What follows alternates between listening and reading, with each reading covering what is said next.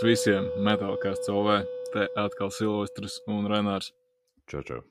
Un šodien mums īstenībā tāds diezgan unikāls un nebijis gadījums sanāk tāda diezgan īpaša sērija, jo pirmo reizi podkāstu vēsturē mums sanāks tāds divu raidījumu krustojums. Šodien pie mums ciemos ir Mārtiņš, ne tikai no grupas Nova Koma, bet arī no podkāsta Viss ir slikti ar Mārtiņu un Jāni. Laipni lūgts.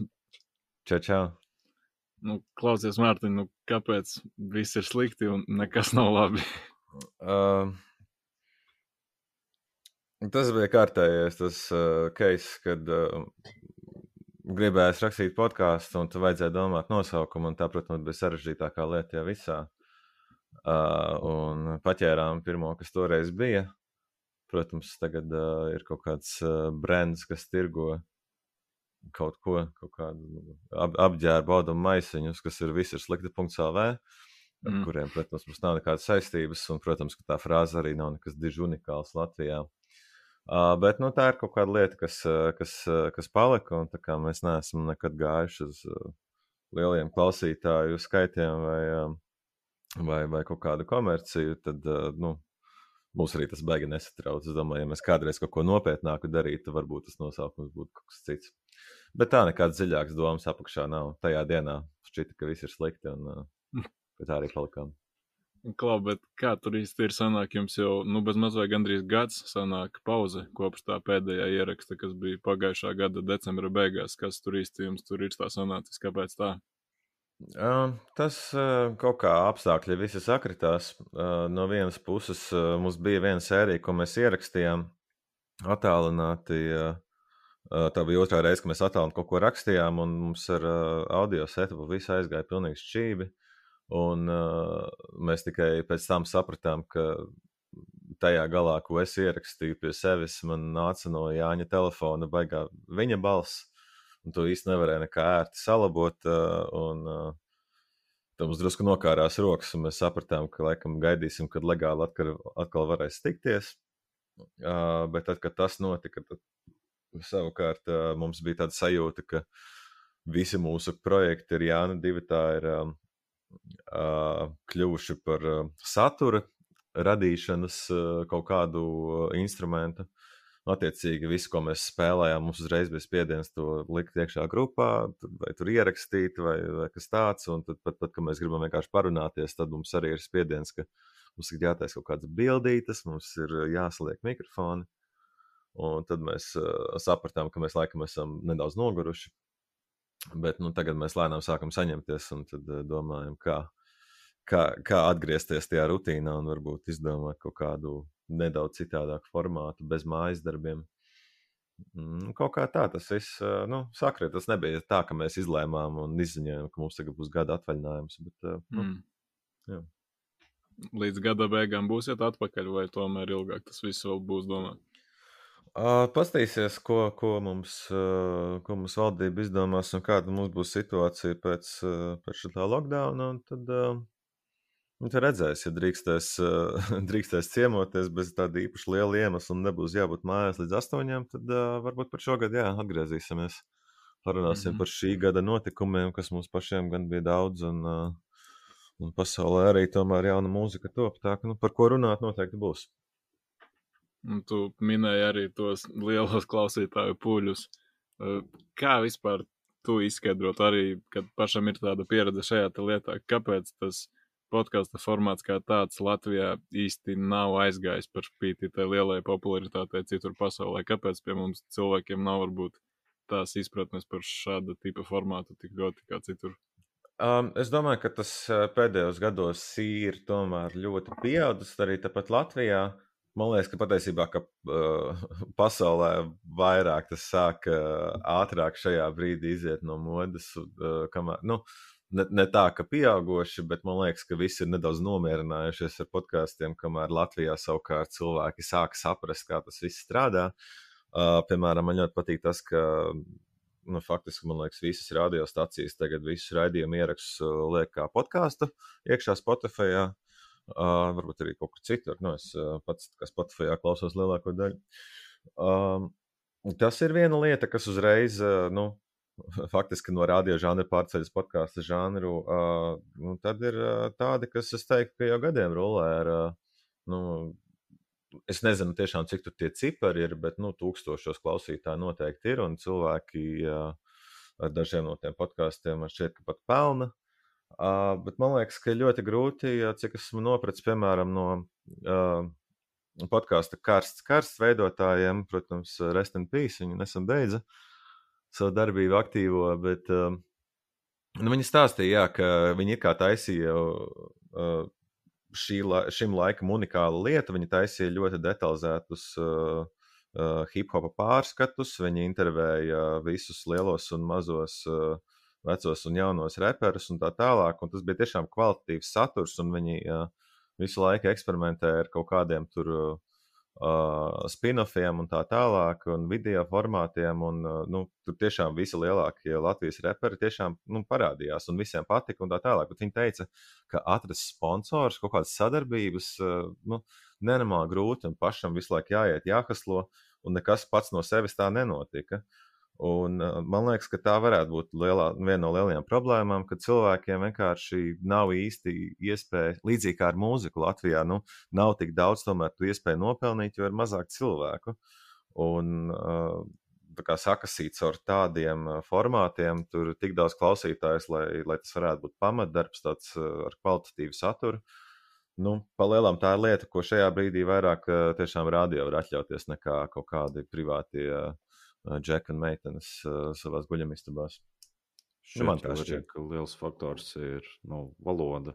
Tomēr latviešu uh, klausās krietni mazāk cilvēku nekā, piemēram, angliski. Angliski visā pasaulē var klausīties. Jā, tieši tā. Jā, nu, tas arī diezgan labs arguments tam visam ir. Bet Kā tev, Mārtiņ, vispār pašam, nu, esam ievilkuši tevi šoreiz tādā smagākā galā, cik es esmu jūs paklausījies. Es zinu, ka varbūt jūs nesat tādi paši lielākie metāla fani un ikdienā tā baigi neklausoties. Nu, reizēm esat pieminējuši tā tīri kaut kādā, nu, piemēram, par kaut kādām miksa lietām runājot, tīri tā salīdzinot ar citām lietām, metāls ir ieminēts pie jums, bet kā tev pašam tev sanāca kādreiz iziet cauri tai fāzē, vai tas tev tā garām aizgāja? Uh, jā, man, man bija fāze, tā bija, es teiktu, ka mana vispār pirmā mūzikas fāze kā tāda.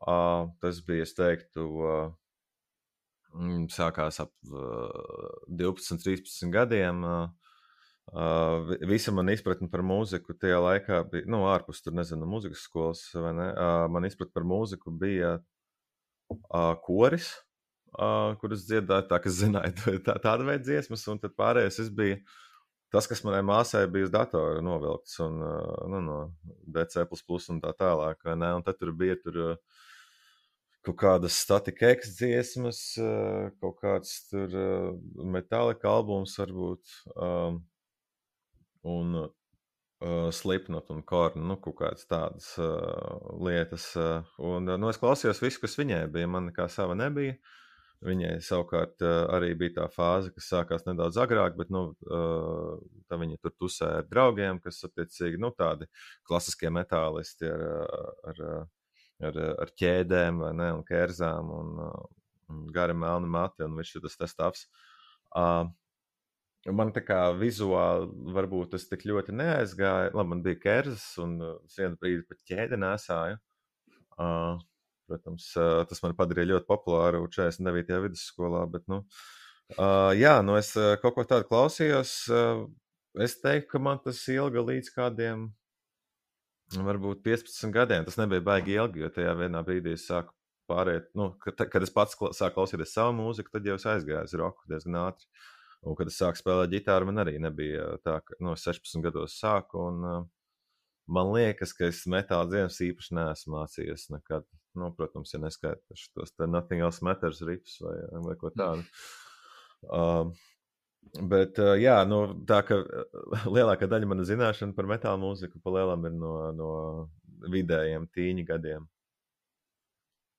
Nu jā, tad tagad, kad tas viss aiz muguras jau sanāk, ir bijis diezgan labu laiku atpakaļ, tagad varbūt tā drusku uh, nu, ne gluži kā pilnīgs cilvēks no malas, bet nu, tā daļai, kā tu vispār redzi šo metāla scēnu, vai ir tā, kā daži saka, ka ka te viss stagnē un ar laiku vienkārši paliek viss vienādi un neinteresanti, vai kāds ir tos viedoklis šajā jautājumā? Uh, nu, ņemot vērā to, ka man pašam, nu, es pats pārstāju klausīties metālu, metāla grupas, uh, pārsvarā tā, nu, tas viens no lielajiem iemesliem bija tas, ka uh, salīdzinot ar citu uh, ģitāru mūziku, piemēram, tā, uh, man, man pašam metāls sāk izklausīt. Mans, man bija sajūta, ka jau tajā laikā, kad man tas uh, viss žanrs sāk izklausīties, visi ža metāla žanri sāk izklausīties vienādi. Uh, un uh, man kaut kā tas nebija saprotams tajā laikā, un uh, kad es sāku klausīties, uh, nezinu, tur uh, vairāk Muse, Grindēja, Radiohead, uh, tāda veida. Tāda veida mūziku man, man bija sajūta, ka tā ir tur ir baigi daudz interesantu lietu, un es tās interesantās lietas īsti pats neatradu metālā. Uh, un, uh, nu, protams, ar gadiem es ik pa laikam kaut kādu jaunu tur metāla grupu dzirdu. Es skatos arī, uh, klausos, ko mani uh, draugi dara. Un tad varbūt kāds noteikti teiks, ka tas, tas taču nav īsts metāls, bet uh, tāpat Jogre un uh, Vēlns viņa zina, kur dalībniekus pazīstu. Nu, tās ir savā starpā, protams. Uh, manuprāt, ļoti atšķirīgas grupas. Un, uh, paklausoties albumus uz, uh, uz šo raidījumu rakstīšanu, jā, tur arī ir lietas, kas ir citādākas. Un, nu, jā, es neliktu noteikti kaut kādu tur slipnu kornu vienā maisā. Uh, bet kā par kaut kādu stagnēšanu, es nezinu. Man ir grūti pateikt. Nu, piemēram, ja mēs. Uh, nu, es. Uh, man liekas, ka tagad ir citādāk nekā pirms nezinu, 15 gadiem, vai pēdējos 15 gados kaut kas ir diži mainījies. Es nemācīšu pateikt. Mm -hmm. Un starp citu, tu pieminēji grupu Ogre, jeb Ogre. Un laikam man sanāk, man liekas, ka mēs kaut kādā netiešā veidā tad ar jums jau esam iepriekš bijusi saistīti, jo, ja es nekļūdos, tad mūsu raidījuma to sākuma dziesmu viņi pie jums rakstīja? Ā, tas tā varētu būt, jā, es kaut ko tādu atceros.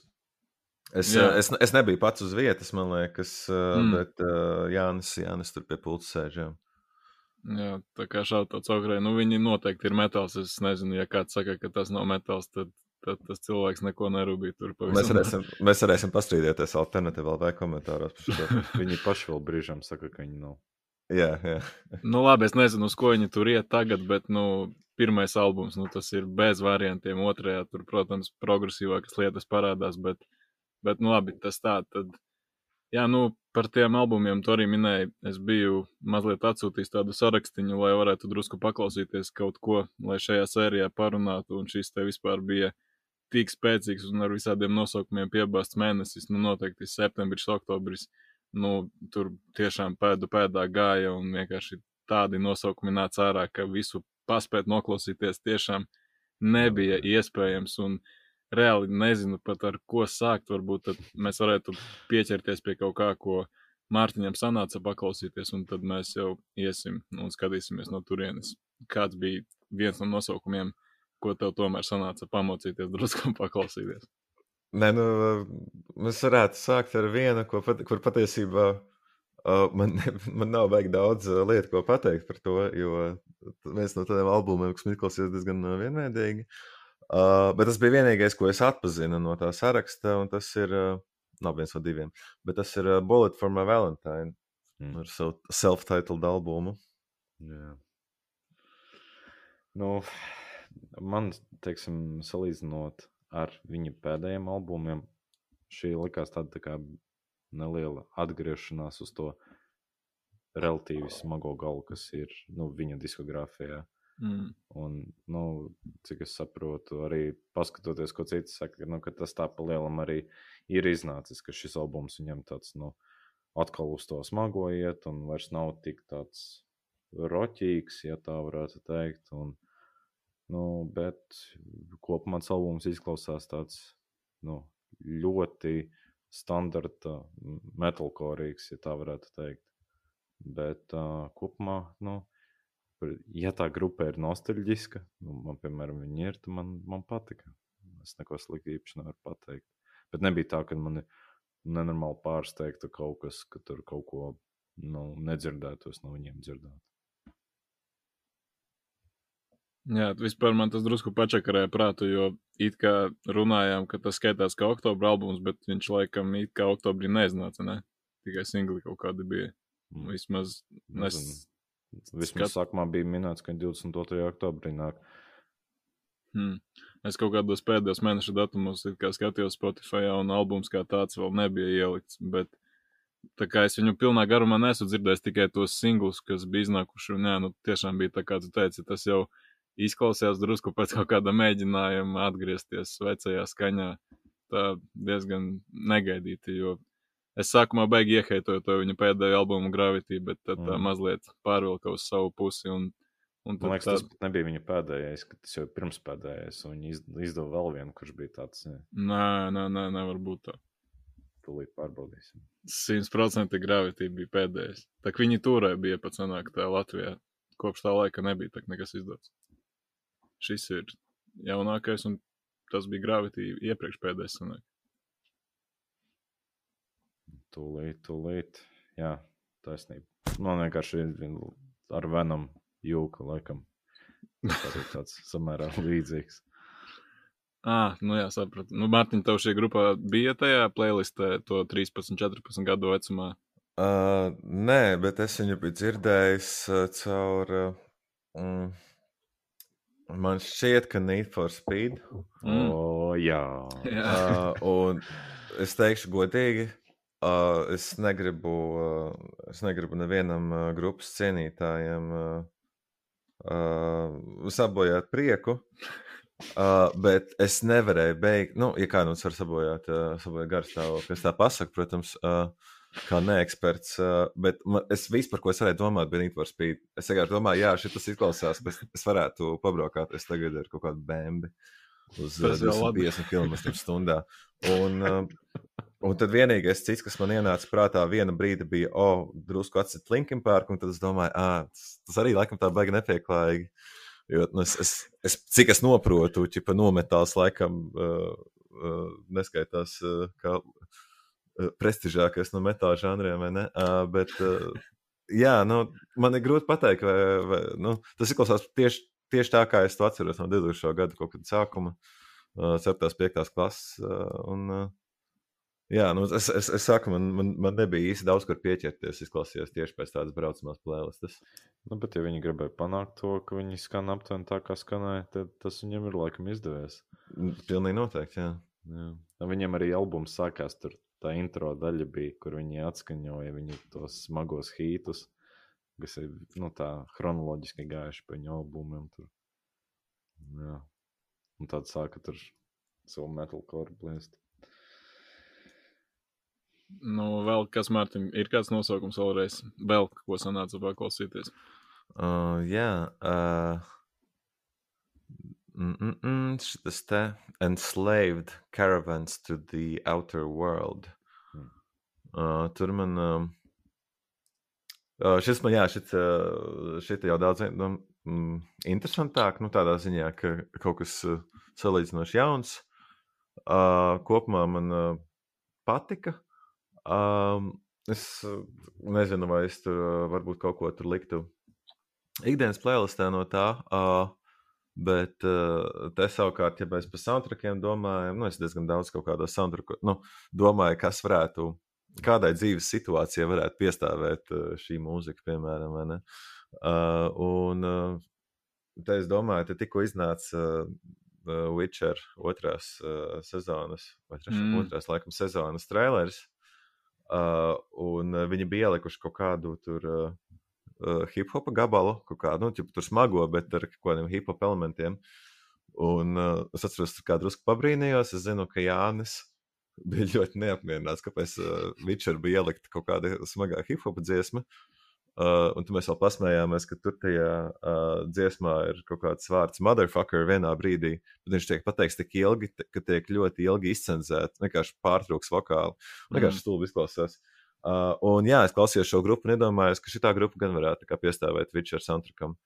Uh, jā, un uh, tas palielām ir galvenais. Nu, es, uh, man patīk, ka tā, tā vokāla bija drusku citādāk nekā.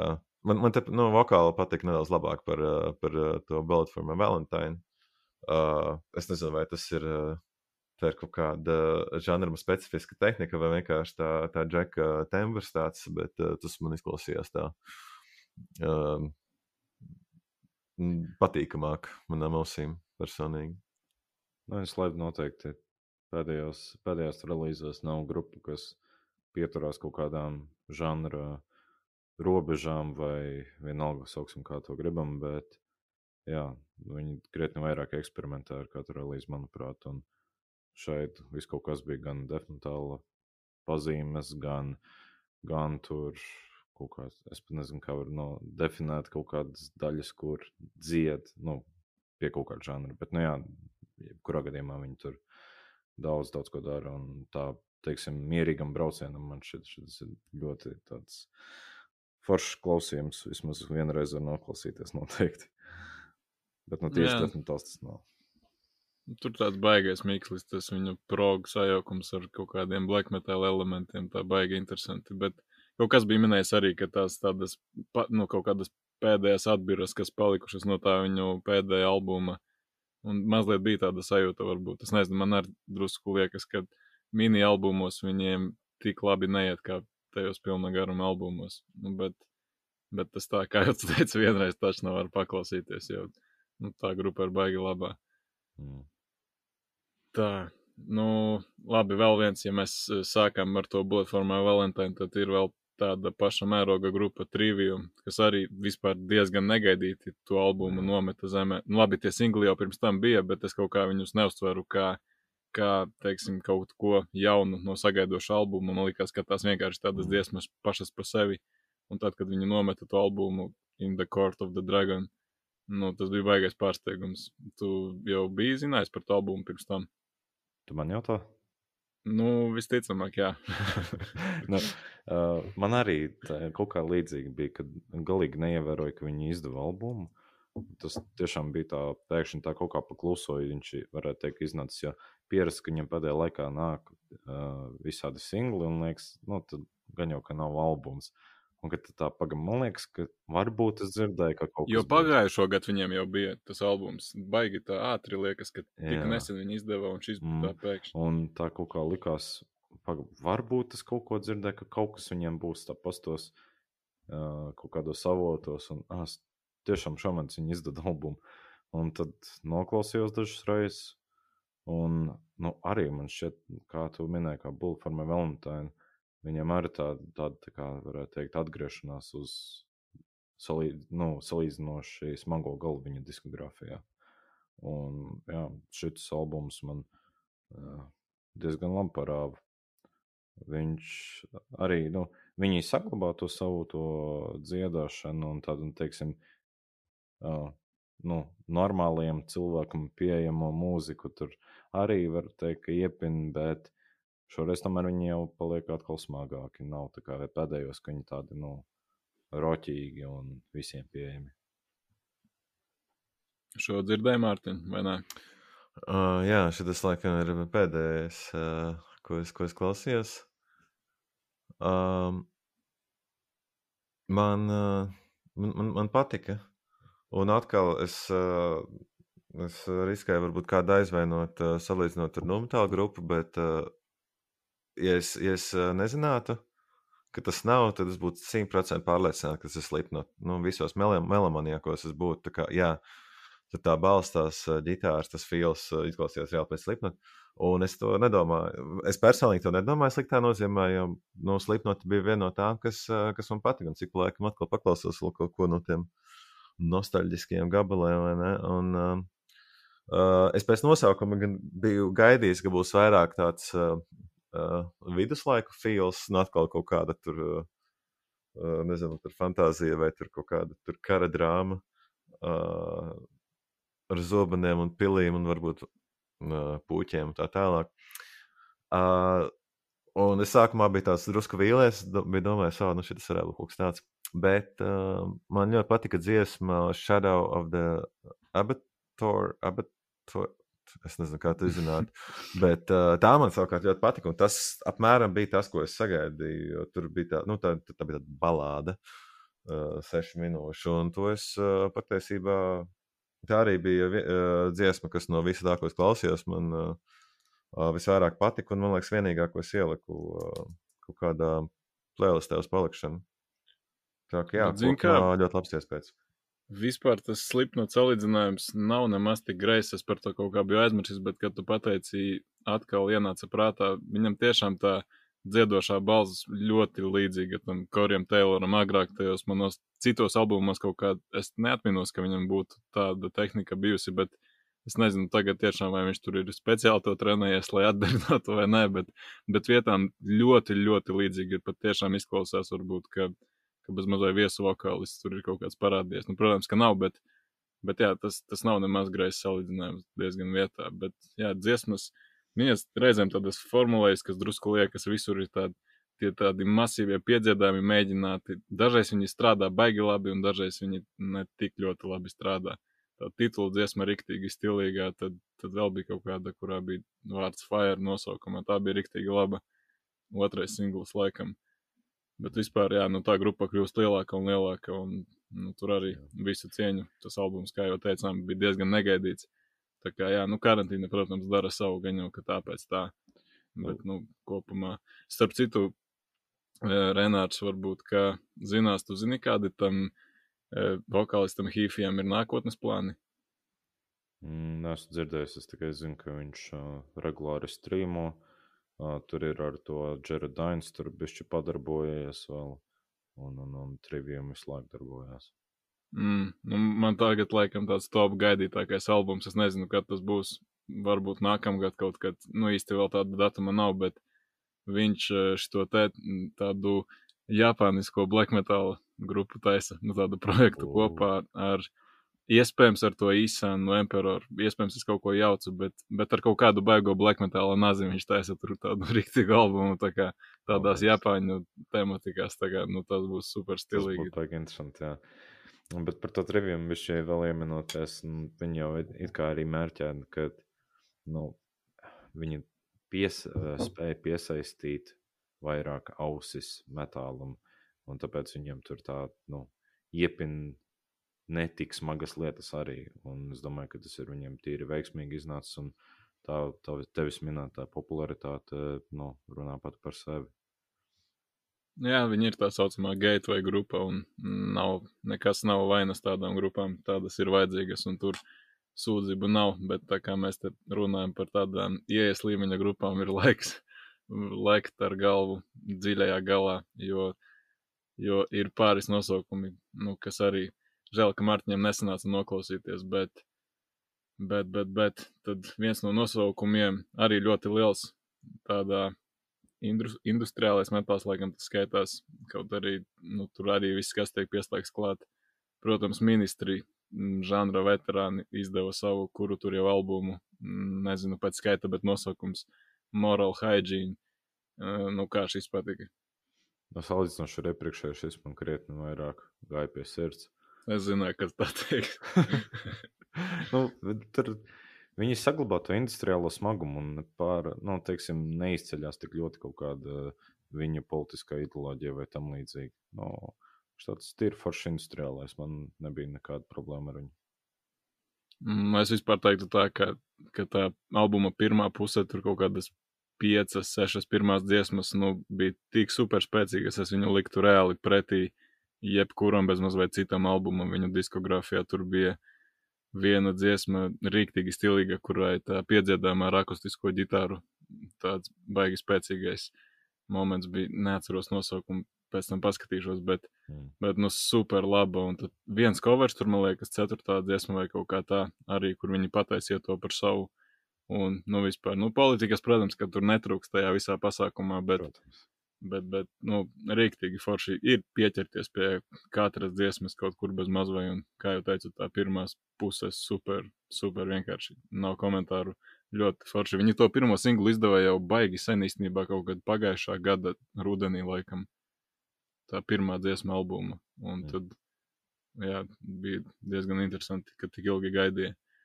Bet tas mm. tā, es vispār nezinu, kāpēc pieminēju ministriju. Pēc tam, kad pieminēju par lekšanu dziļā galā, tas varbūt arī nav varbūt tik dziļš un smags gals. Bet uh, es zinu, ka tev arī ir viens vai divi nosaukumi, kas mums vēl sakritīs. Un tad, tad jau katrs pats par sevi. Mm, nu, tie ir piln, pilns ar visādiem. Nu, ja mēs gribam tajā smagajā galā iet, mums šķiet, ka ir noteikti jāpiemina hate, poļu black metal grupa ar savu jau sazinkuru albumu uh, Rugija.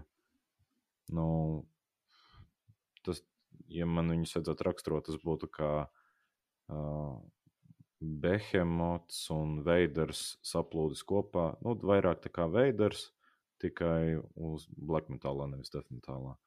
Mm. Vokāls diezgan līdzīgs un jā, augsta pilotāža. Man ļoti patika tas albums. Nav ko daudz piebilst. Jā, nu tajā visā, visā mēneša miksam es viņu neesmu paspējis noklausīties. Tā kā, mm. bet, ā, tā ministra dziesma ir Believe Me. Tā ir ar, ar akustisko ģitāru piedziedāmā. Iesaku visiem paklausīties. Mm -hmm. Bet, jā, hate, hate ir laba grupa, bet, bet saku, tik daudz to nosaukumu bija, ka visam jā. bija gru, grūti pieķerties. Un tad, tad es pieminēšu varbūt to, mm, kas ko jū, es pat jums nesūtīju, jo es īsti negribēju mocīt ar tādām lietām. Bet ir tāda grupa Antichrist Siege Machine, un viņi izdeva savu, savu albumu Purifying Blade. Es tikai pateikšu vienkārši tā, tas ir, nu, tās būs agresīvākās bungas, ko jūs esat dzirdējuši savā dzīvē. Tur pavisam noteikti tur čalis pa viņām tik stipri bliež, ka reizēm tiešām liekas, ka viņš vienkārši mēģina saplēst tās bungas. Tāpēc, jā, nu, tas tāds Black Death tādas agresīvas mūzikas faniem. Es domāju, tas ir tāds albums, kas izlauzīsies arī ārpus žanra cienītājiem, un par to mēs vēl dzirdēsim cilvēkus runājot. Bet, kā jau teicu, es jums negribēju baigi likt mocīties, tāpēc to pat nesūtīju. Jā, un nu, tad vēl no tādiem lielajiem kredulu filmu ir vērts pieminēt. Uh, viņiem albums uh, arī jau sazinkurojas Existence is Futile. Nu, šis šī grupa ir interesanta ar to, ka viņu mākslas darbus, nu, cik nu mākslas darbus, nu, vāciņus un uh, arī pie video piestrādā latvietis vārdā Artūrs Bērziņš. Ir tāds mūsu vietējais mākslinieks. Un, jā, pēdējos trīs albumus, man liekas, viņš uh, tos vāciņus ir taisījis. Un, un, un, uh, jā, man nav ko pārmest daudziem patīk heitot to Cradle Filth Viņš varbūt nav tik ļoti blackmetāls, un tur vairāk tā kā šausmu filmu, bet uh, uh, arī spēcīga relīze. Nav, nav sliktāka par iepriekšējām, ja tā varētu teikt. Pievienojos hateriem. Kāpēc? es nezinu, man tie, tie kliedzošie bēbīšu vokāli kaut kad sabojāja to visu iespēju, un es tā arī neesmu īsti atgriezies kopš tā laika. Nu, nezinu, nu tā tāda baigā gaumas lieta, man liekas. Nu, man liekas, tas ir šķietami interesantāk nekā ka visu laiku tikai graulo. Nu, tur, nu, tas ir kaut kas netipisks. Kāpēc gan nē? Nu, varbūt, bet, bet Mārtiņa to neklausīs. To, to, to nevajag. Sarunāts. um, tad eh, tā, nu jā, vēl ir. Nu, labi, es to gribēju atstāt beigām, bet es pieminēšu, jo es par to kladzināju jau bezmazliet pusgadu no vietas. Un, uh, ļoti žēl, ka Mārtiņam šo neno, nesanāca noklausīties. Jau gribēju dzirdēt viedokli par Renāru mīļāko grupu ar nosaukumu Caveman Cult, kas izdeva savu, savu albumu Blood and Extinction. Jā, nu, nu, tu man bija pabrīdinājis, ka šis būs kaut kas uh, trakāks par, uh, par pārējo. Ne, tu man brīdināji, ka šis varētu būt par traku. Uh, tāpēc jā. es, uh, ja godīgi, arī viens no iemesliem, kāpēc es apstājos tajā listē. Cilvēks grib gulēt vēl. Es, es ceru, ka nostrādās tāda apgrieztā psiholoģija. Varbūt. Bet, nu jā, nu es teiktu, ka tas ir agresīvākā mūzika, kādu ir iespējams taisīt. Protams, ka cilvēki atradīsies. Netrūks tādu, kas teiks, ka tā nemaz nav mūzika. Bet, bet nu, labi, es tur īpaši vārdos vairāk neizpildīšu. Ja kādam gribas redzēt arī kasetes apskatu, tad kaut kādā no iepriekšējām kazemata sērijām arī to var paskatīties. Bet, nu, tā mūzika ir trāka. Es reāli nezinu citu grupu, kurai nosaukums ietu labāk kopā ar to mūziku, kādu viņi rada. Nu, viņa tiešām izklausās tāda alu cilvēciska, tie rēcieni, barbariskie rifi, tas jēlais un netīrais produkcijas. Nu, tas ir vienkārši nu, tikai tas, ka tas ir tikai 21 minūti. Nu, bet pieņemsim, šoreiz piedosim viņiem. Un, nu, tas ir nenormāli krūts vārmetāls. kuru es te mēģinu propagandēt. Un, jā, nezinu, kā Renāram es sūtīju laikam reizes, kādas divas mēnešu laikā, vai to sanāca noklausīties vai nē. Jā. nu, ko es tev varu pateikt? Nē, Mē? meh. Nu, jā, nu, tā tur. Nē, nu, labi. nu, labi. Nu, Gomes lieta, teiksim tā, nu, man nebija tā, ka man baigi ievilka. Es laikam vēl neesmu nonācis līdz tam ormetālam.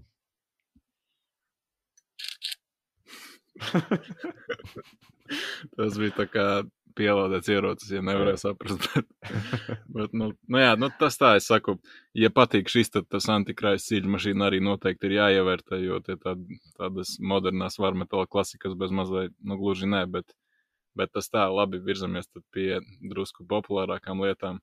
Ir vēl divi, trīs nosaukumi palikuši, un tad virzīsimies pie nākamā segmenta, bet, bet jā, nu, kas tur vēl palicis, tad ir Man diezgan nosaukumi vēl palikuši. Ah, fū, pareizi, pareizi. Jā, nu, Nu, nu pašmājies atstājam beigām. vai- beigām. Jā. Ok. Bet, bet, bet, bet. Nu, labi, es te varbūt tos vienkārši bombu dropošu dažus nosaukumus. Un, ja, ja, tev, ja tev ir ko komentēt, tad tu uztaisi to Cradle Filth uh, bebīšu bļāvienu un pastāstīs kaut ko. Uh, grupā 19, 14, no 1914 izdeva albumu Where Fear and Weapons Meet. Tad Dream Theaters izdeva albumu A View from the Top of the World. Tas ir tāds, nu, jau aizvien tālāk un tālāk no metāla, prog mūzika, prog roks kaut kas tāds jau. Uh, War of Ages izdeva EP Mm. Rahīmā, vai kā grūti saprast, kā varētu lasīties, nu, karoči, Rema. Un, un, un, un. Jā, Angel Makers atkal izdeva divu dziesmu EP ar nosaukumu Twilight. Tad uh, Gilda Harta, vai kā viņi tur saucas, izdeva albumu uh, Mastodon Under Water, lai ko tas nozīmētu. Ja? Nu, tas ir tāds džentīgs death metals. Nav nevainas. Ta, to, to ieteica uh, Grunsjānis. un uh, tad, tad, jā, uh, Nakt Lūs izdeva jaunu EP. Tas ir tāds hardcore, tāds ļoti smags un, un, un, un. Un tad ir tādi daži nosaukumi, kurus bijuši vairāk arī var kaut ko pakomentēt. Nu, Mastodons izdeva albumu Hashten Grim. Uh, nu, viņi, tā ir viena no tām grupām, kas paliek aizvien netik smaga, bet uh, tomēr nu, tā muzikālā prasme ir ļoti augstā līmenī. Un, uh, ar visu to, ka viņi nav vairs tik ļoti nu, agresīvi, kas vispār lika piesaistīt, piesaistīties tai grupai. Uh, nu, tomēr tas materiāls bija ļoti spēcīgs un, un, un interesants. Tā kā Mastodon faniem noteikti gri, vajadzētu ievērtēt jaunu albumu. Un Whitechapels izdeva jaunu albumu Kin. Uh, tur, tur, tur, tur. Nu, grupa ir augusi, vairs nav vienkārši devkors. Tur arī iepina dziedāšanas un progresīvas lietas. Un domāju, ka ļoti veiksmīgi tas ir iznācis. Tad pārsteidzošā kārtā Limba Biscuit pēkšņi izdeva albumu ar nosaukumu Limba Biscuit Stils Saks. Un jā, tas tāds vairāk uz hip hopa pusi, ne tik ļoti agresīvs. Nu, tur tāds repiņš tur parādās un kas tur. Bet jā, tas bija tā interesanti, jo viņi tur cik gadus marinējās ar to ziloņu tur, al albumu, un beigās tur neko neizdeva. Vienkārši atšuva tās dziesmas, laikam, vai ko. Pašiem nepatika. Un tad, tad šeit tāds iznācis. Nu, jā, varbūt gaidīju kaut ko vairāk, bet nu, tas subjektīvi viennozīmīgi var noklausīties. Mārt, Mārtiņam varētu patikt, ja, tā, ja hip-hops interesē. Uh, es uh, nedaudz cenšos atpūsties no hip-hopa tagad. Uh, es ļoti noguru no hip-hopa, ja godīgi. Uh, no, nav hate, bet uh, vienā brīdī sapratu, ka es laikam. Um, es laikam biju pārāk dziļi iebridis, uh, un man reāli pietrūka uh, ģitāra mūzikas. Bet uh, vispār uh, es, uh, ja godīgi, pēdējos mēnešos esmu pamazām sācis atklāt vēlreiz uh, Limbiskit kaut kādas dziesmas. Nu, no vecās, protams, tās, kas tajā laikā bija populāras ar visiem šiem rolling. Un, uh, jā. Uh, un, jā, es tajā laikā īstenībā nenovērtēju. Es biju vairāk tajā laikā, varbūt Linkin Park Jacks. Uh, uh, bet uh, pēdējā laikā es sāku saprast, kas tur bija. Nu, kas bija tas, kas parāda cilvēks toreiz. Hmm. Nu, daudz domā, ka viņi ir tā kā one hit wonder vai tam līdzīgi, bet patiesībā, ja tos albumus tiešām paņem paklausās, gandrīz katra dziesma ir dzirdēta, un šie toši tā bija forši, un es atceros viņu. Vai, bet viņiem taču es pat, nu, es, es, es nezinu, vai es varētu nosaukt tur kādu albumu nosaukumu vai nosaukt ļoti daudz dziesmas, bet viņiem noteikti ir pat tādiem casual klausītājiem zināmi daudzi hīti. Kaut vai tas, ka viņi nokavēroja šo te Behind Blue Eyes, Jā. vai ne, kas ir mm. populārāks par uh, The Who. Uh, un, uh, un, jā, nu, tik daudz soundtrackos arī bija, ka, ka, ka nu, tiešām būtu dīvaini, ka cilvēki nezinātu vēl ķipa divas vai trīs dziesmas bez tā paša kavera. Mm. Tā kā es teiktu, ka viņi noteikti savu, savu darbu ir izdarījuši, un ja viņi turpina kaut ko tagad darīt un skan labi, tad, tad malačs man prieks. Mm.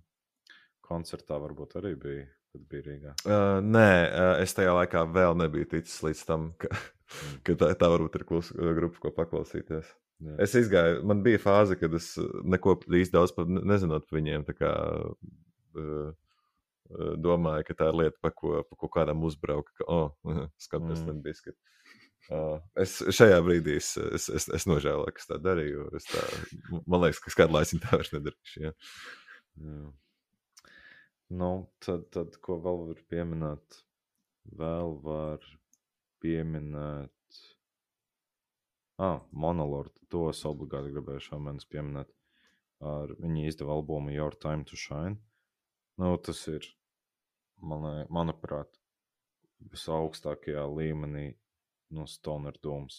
Stoner Doom metāls, nu, sauksim kā gribam, bet nu, viens no labākajiem, kādus vispār esmu dzirdējis tajā galā. Un, jā, to es noteikti šomēnes no ārzemniekiem visvairāk klausījos. Un, uh, viņiem nav smagās vokālas, tur dzieda, bet ar instrumentāli viņi nu, visu to lēno smagumu ļoti, ļoti veiksmīgi panāk. Un tie rifi tādi skaisti vienmēr. Nu, tā, tā, precīzi trapa pa emociju stīgām, ja tā varētu izteikties. Un, jā, to noteikti vajag ievērtēt cilvēkiem, kuriem patīk nu, jebkā, jebkāda mierīga mūzika. Monokord. Monolord. nu, jā, es biju paklausījies, bet nu, es to nedomāju sliktā īstenībā, pat nozīmē, bet tāda baigi stereotipiska skaņa, nevot, ja es iedomājos Stoner Doom, tad, tad ot, tas ir tieši tā, kā tas skan. Ir riktīgi tādas super smagās ģitāras, tā, nu, tieši tas tonis viņām, un tad arī tā dziedāšana tādā tipiskā manierē, nu, es nezinu, instrumentālais bija tāds diezgan labs. Nu, nu dziedāšana arī nebija slikta kā tāda. Bet nu, man kā parasti drusku jāpiekasas pie tā lēnuma un drusku jāatspēlēs par Kevinu kaut zinu, kā tomēr. mm. Jā, nu, kas vēl mums paliek, tad vēl paliek uh, vietējie. Ja. Tam man tāds pēdējais šautots vienam, tad pilnīgam pretstatam tavam monokordam. jo, jo Nu, es teiktu, vispār nezinu, man liekas, ātrākā grupa pasaulē, kāda tagad eksistē, Archspire no Kanādas. Viņi arī izdeva savu ceturto albumu, Bleed the Future. Ne, Bleed the Future, laikam, jā, kaut kā tā bija. Nu, tas ir vienkārši tā kā kādreiz teica mans mācības skolotājs, tas ir vienkārši PSC. Jo es nesaprotu, kā var kaut ko tādu labi, viena lieta ir kaut ko tādu ierakstīt albuma ierakstā, bet kā viņiem tas vispār dzīvē strādā, nu, es vienkārši nestādos tam priekšā. Viņi reāli desmit sekundēs nospēlē vairāk notis nekā tur kāda dumetāla grupa savas karjeras laikā vispār, jo vienkārši tas vokāls arī Berta kā no automāta visu laiku bungas ir vienkārši, nu, necilvēcisks, es nesaprotu, kā to cilvēks vispār var izspēlēt, un rifi super tehniski, tāds kosmiskais, tehniskais deathmetals, nu, tas tāds noteikti viens no mēneša highlightiem iesaku visiem paklausīties, pat varbūt tiem, kam šis žanrs arī tik ļoti ikdienā nepatīk. Nu, šis ir tāds unikāls klausījums, kurā es domāju, vismaz tā tīri, lai saprastu, kas tur notiek, intereses pēc, nu, šo te var ievērtēt. Tāds ļoti, ļoti ātrs, es teiktu, ātrākais, kas ir dzirdēts vispār pēdējā laikā. Tad pašmāju, mm, protams, ka arī diezgan tā viņi diezgan tā klusībā to albumu vispār, nu labi, ne gluži klusībā taisīja, jo solījumi par albumu bija jau trīs, divi gadi atpakaļ pavisam noteikti, bet tad tā viņi nometa to albumu diezgan, nu, diezgan negaidīti. Grupa Deodium izdeva savu sanāk. Trešo.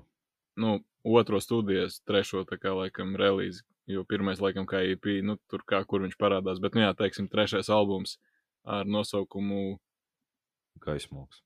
Gaismoks, jā, tāds ļoti interesants nosaukums vispār. Un grupa arī izskatās, ka mazliet tā pamainījusi savu imidžu. Arī tas logo ir tāds jauns, vairs nav tas viņa superstilīgais, tas vecais. Ja godīgi man tas tā baigi patika, viņš bija tāds ļoti latvisks, šis tāds mm, drusku tāds, drusku ģenerika, ja godīgi, nu, bet tas tāda par, tīri par izskatu runājot. Bet par albumu, kas tev sakāms? Nu, zināmā man liekas, ka tas rebrandings, kas viņam tur notiek, diezgan atbilstoši, jo viņiem vairs nav tik ļoti tāds, um, nu, teiksim, skaiforģerīgs tas metāls.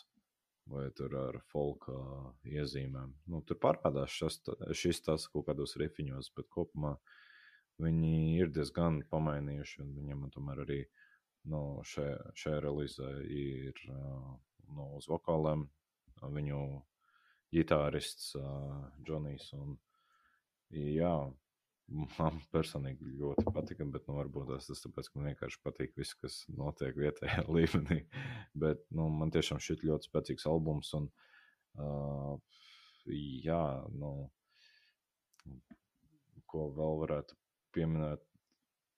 Domāju, es tev varbūt es vienkārši atsūtīšu fragmentus, kuri, kuri man tā rīktīgi pa, nu, pa stīgām uzsitēja. Uh, nu, tas vairāk vokāli, vokāļu līmenī. Un, uh, tu varbūt tas tad forwardā Mārtiņa. Bet, jā, nu, kā tur, piemēram, uh, viņš to dziedāšanu sāk, nu, sapuģina ar pļaušanu. Uztaisīt tās pārējas starp pantiem, tas ir baigi forši. Un tas otrs termins, ko es atsūtīju, nu, tas ir vienkārši gada labākais. Ah, jā, tad, trešās dziesmas vienkārši pats sākums. Tas, tas, tas tāds rīktīgi pavilkt. Viņi vienkārši tos, nu, mjūtotos uh, čagus tur taisa un tu vienkārši uh, un aiziet. Tas, tas uh, rīktīgi forši bija. Nu, jā, nu, no vietējām smagajām, nu, teiksim, definitālu grupām ļoti, ļoti augstā līmenī un ļoti veiksmīgi ir izveidojuši šo albumu, manuprāt. Un, nu, man šomēnes šis albums ir visvairāk gājis aplī. Tāds, es pat nevaru tā uzlikt pirkstus konkrētām lietām, kas man likās, nu, tas padara šo albumu par izcilu, bet mm, jā, vienkārši foršs smagucis, teiksim tā.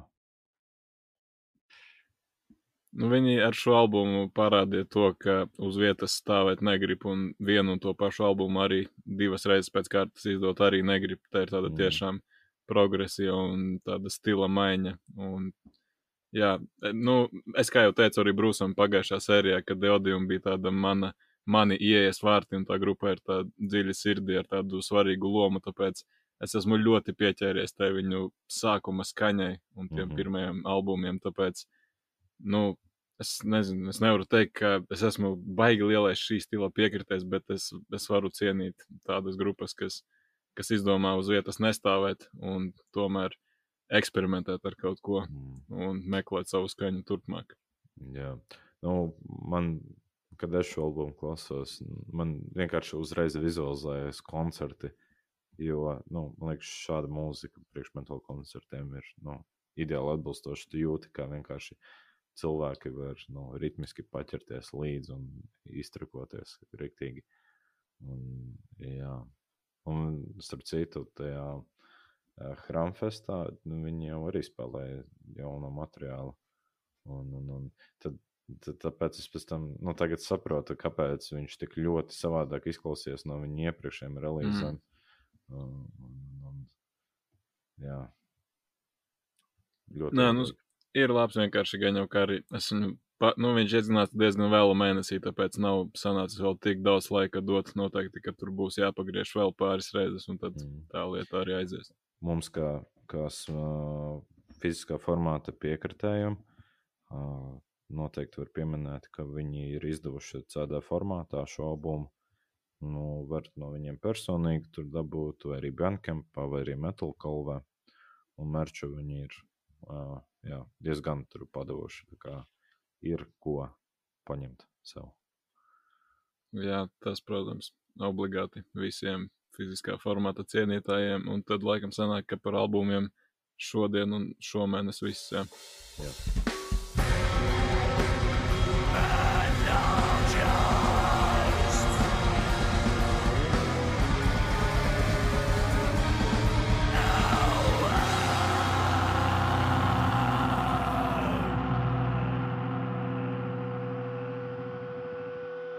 Tad virzīsimies pie nākamās lietas. Arī tāda diezgan interesanta un masīva tēma, par kuru var daudz ko runāt. Jo šeit varbūt nav tik svarīgi pat tas metāla žanrs kā tāds.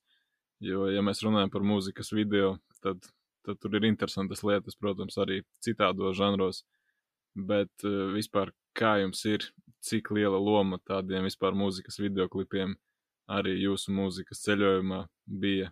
Vai jums tas, vai jūs arī tur skatījāties MTV un tur tās visas labās lietas un kačājāt no DC, kad tikko tas vispār bija pieejams, vai tas tā gāja mazliet garām? Uh, man, uh, ja godīgi, MTV parādījās mājās tikai tad, kad uh, Tagad tur bija diezgan maz uh, mūzikas palicis. Viņi jau bija sapratuši, ka labāks bizness ir taisīt par visu ko citu, tos raidījumus, mm. kaut kādos video klipus, MTV, pat vajag neatceros. Uh, uh, tad, kad YouTube gan parādījās, tad es uh, kaut ko sāku tam pievērst uzmanību. Un, un, protams, draugiem LV arī bija video feature, kur dažreiz kāds kaut ko ielika. Bet uh, tā bērnībā vajag nē. Nu, es tad, uh, nezinu, nu, no skolas laikiem mēram sāku skatīties tā regulāri.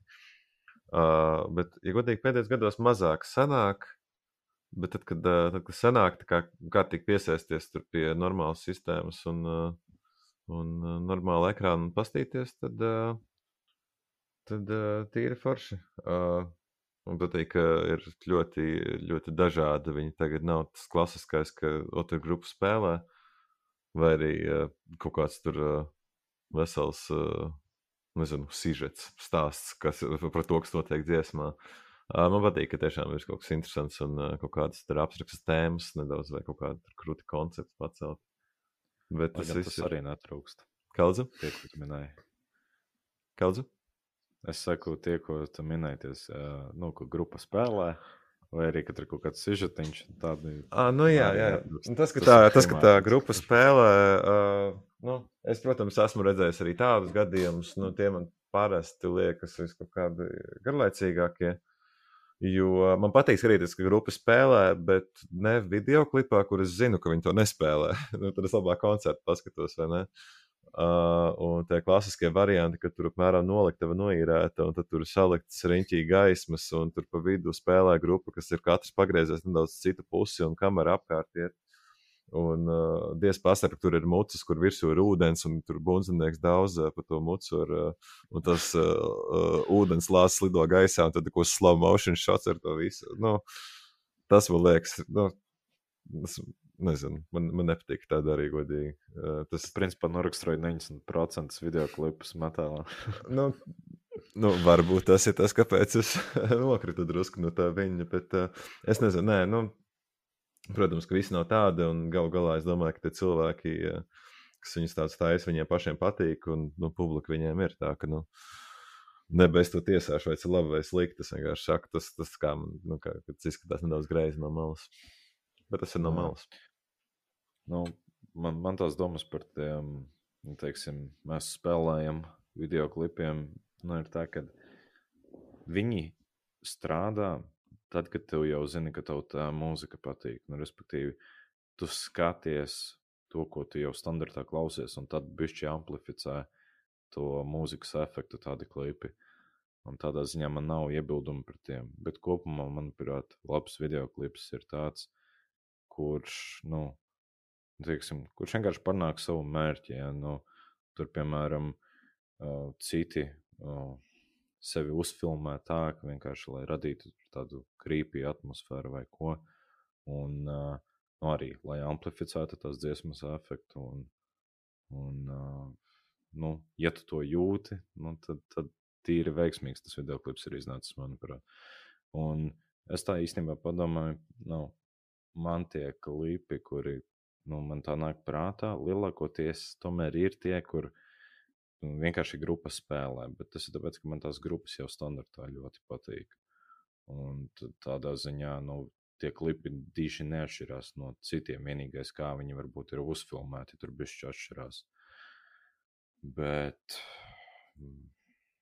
bet jā, nu, beigās tāds grūti īstenībā ir pateikt, kurš ir mīļākais. Jā, nu, jo viņi visi kaut kādā mērā līdzīgi. Tāpēc, uh, ja man būtu jāizvēlas, es izvēlējos kaut ko, kas varbūt tās mākslinieciski kaut kādu vērtību piešķir, nu, vispārīgi, jā. Bet, nu, man tā saskarsme ar video klipiem bija tieši ar MTV, kā tu jau tur minēji, bet, nu, es atceros spilgti, ka tas bija System of a Down, Chop Soy, un tas bija viens no pirmajiem, ko es redzēju. Un tieši, man liekas, ar to man metāls sākās. Hmm. Tas, tad, tad tu saki, ka tas bija tāda tā pirmā atmiņa, ja, ka tu atceries tādu smagās mūzikas video klipu. Ja.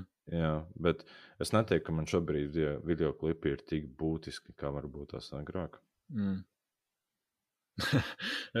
ja par tādu tīri smago mūziku runājot, laikam, iespējams, pirmais, ko es atceros, tas bija Rāmsteina zona, ja nemaldos, tur bija uh. tā sniegbaltīte. Un tas, zin, kā es baigi nērti jūtos ar vecākiem kopā to skatoties. jo tur, jo, nu, tur ir kā ir tādi, tādi visādi apakštoņi, varbūt tā video parādās. Bet, bet tā, ja vispār pirmais, tad iespējams tas bija DC kaut ko atceros, ka viņu vismaz trīs nedēļas bija jāvelk. Tas bija Chemical Brothers galvenais vai kaut kas tāds. tāds labs. Mārtiņ, kāds tev ir tāda kaut kāda atmiņa palikusi pirmais video klips mūzikas, ko tu redzēji? Wow! Uh, man, man, man kaut kā gribētos teikt, uh, ka senākais, ko es atceros no laika, kad, apmēram, kad tas iznāca, varētu būt uh, uh, The Hobos Christian. Mm. Kur bija ar mēram šo camcorderu filmēts, ka tur vienkārši beigta iet pa ielu kožļā kožļana apmēram tur ar, ar, ar ko tur atslēgu, tur ievelk švīku mašīnā un tur nomet kols buņģiņu vai kaut kas tāds. Tas man reāli ir iespējas atmiņā kā, nezinu, senākā lieta. Bet es atceros arī, jā, zona. Zona man, man ļoti patīk tā dziesma. Tas klips bija. Man bija drusku bail to klipu skatīties tajā laikā. Mm.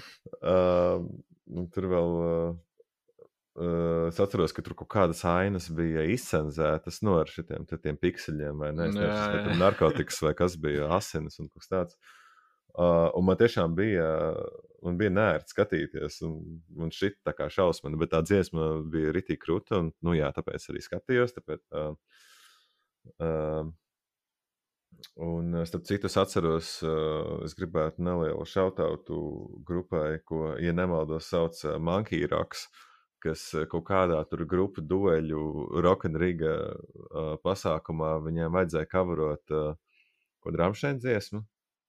Un uh, viņi bija pret, es, man, es gribētu teikt, grupu Mango, kaut kas uz skā pusi, uh, kas kavaroja uh, Duhast. Uh, un viņi uztaisīja to kā, nu, kā skā dziesmu ar, you know, trompetu un trombonu. Un Makija Raks kavaroja Zana, un tas bija nenormāli krūti, jo tā bija viena no dziesmām, kur tur nevis tas uh, ģitārists uh, Rudolfs Ozols uh, spēlēja, bet viņa basis, kuram bija tāda rīktīgi zemā balss, un viņš to zonu dziedāja, tas bija rītīgi krūti. Tā kā jā, šāds viņiem. Ar MTV vispār bija tā arī, ka tajā laikā, vismaz, kad es skatījos, nu, tur smagās mūzikas īsti nebija tāds alternatīvais roks. Tur atceros, ka Red Hot Chili Peppers, manuprāt, dziesma Californication, es varu arī kļūdīties, bet bija riktīgi stilīgs, tā kā tāds video spēles, tāds klips. Ah, bet... dievs, jā, jā, tas bija. bija jā. Bet uh, tas ir ļoti novecojis, protams, šodien. Uh. Bet nu, visi vēl joprojām gada to spēli.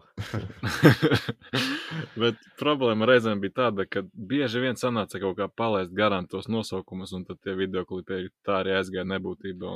Viņi parādījās vienmēr dziesmas sākumā, sākumā un beigās. beigās jā. Jā. Bet, bet kaut kā sanāca vienmēr palaist garām. Es nezinu kā, bet, bet nu, jā, nu, ja būtu tāds viens mīļākais jāizvēlas, man personīgi tas bija ļoti viegli, jo es nekad tā baigi man tie mūzikas videoklipi tā nekad īsti nav bijuši tik nozīmīgi. Tā kā problēmu nebija, bet pirms tam es domāju, ka mēs varam dot vārdu klausītājiem.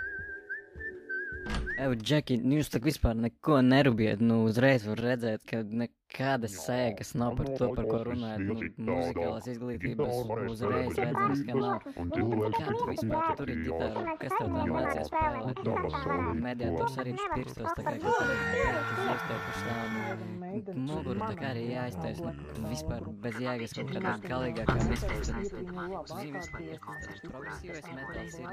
Jo atsaucās diezgan daudz cilvēki un arī īstenībā mazliet pārsteidz izvēles tādā patīkamā nozīmē, jo parādījās pāris varbūt drusku mazāk zināmi nosaukumi, un es nebiju redzējis iespējams nu, 90% stabili.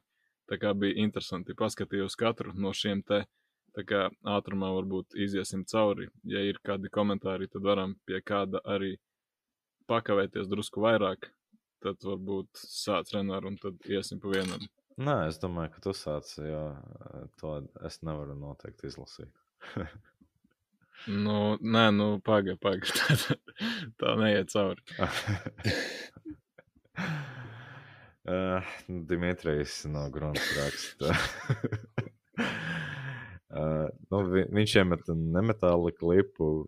Uh, tur vienkārši buči arī mēģināt izlasīt.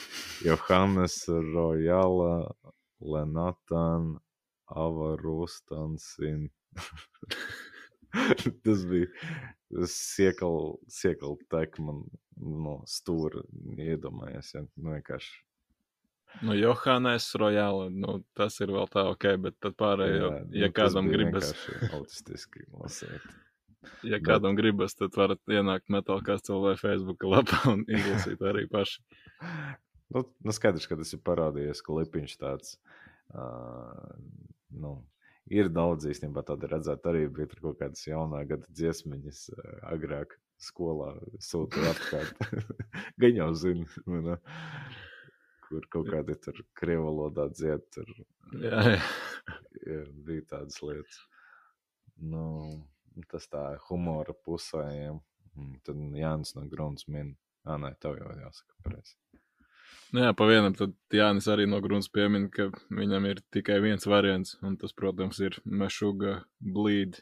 Nu, tā ir klasika jau tur bez variantiem arī. Tur, mm. tā, tas ļoti tāds creepy video, tas ir pa lielu un tāds. Da vispār visi tie metāla video, viņi rada tādu diezgan nērtu atmosfēru un tādu mazliet tādu dīvainu sajūtu, jo tiešām ir liekas, ka grupas mēģina tā klausītāju drusku pabiedēt. Nu, tas jau arī katram cilvēkam vienā ieteiksim, ja tu skaties, kā tur, piemēram, grupa spēlē koncertā. Piemēram, šogad tas uh, Demi Urču vai kā viņš tur saucās, jā. Nu, tas man personīgi uzlādē, skatoties, kā viņi tur bliež un kā tur cilvēku trako? Nu, tas jā, bet kad ir tās čalītis ar ķēdi ap kaklu, kurš tur rāda visādas tādas grimasas interesantas, nu tad, tad ir kā ir. Vai jūs atceraties to, to sīko čalīti no System of a Down Ariels video klipu? O, oh, jā, starp citu, tas klips bija viens no tiem, ko es apsvēru pie sava mīļākā likuma. Es nezinu, kāpēc, bet es mm, klips rīktīgi tā kaut kā piesaista. Tur ir gan humors, gan nopietnība. Tā. Man pat grūti noraksturot. Nu, tas kā sistēma for down, apmēram, jā. Jā, jā, jā. Tas bija labi. Es pat neatceros, ko viņš darīja. Es tikai atceros, ka viņš izskatījās tik dīvaini. Kā citlumēties šķīps. Jā, jā, tas bija, tas bija crazy. Ar beigām tur staigā. Mm. jā, tas bija labs. Tad mm, Dimitris te vēl viena minējis. Nu, tas jau laikam metāla galā mešuga rational gaze. Nu, tas ir vienkārši, ka tur grupas ārdā. Tas arī ir viens no uh, tiem, tiem novirzieniem, ko grupas piekopja. Ja, tā kā lēto klipu uztais, kur viņi mm. vienkārši dara jebko. Tas pats arī Thojārtas Murder. Es atceros viņiem tur pure strain of hate. Smaga mūzika, paši tur cep gaļu, piemēram, un tur šaudās ar pirotehniku.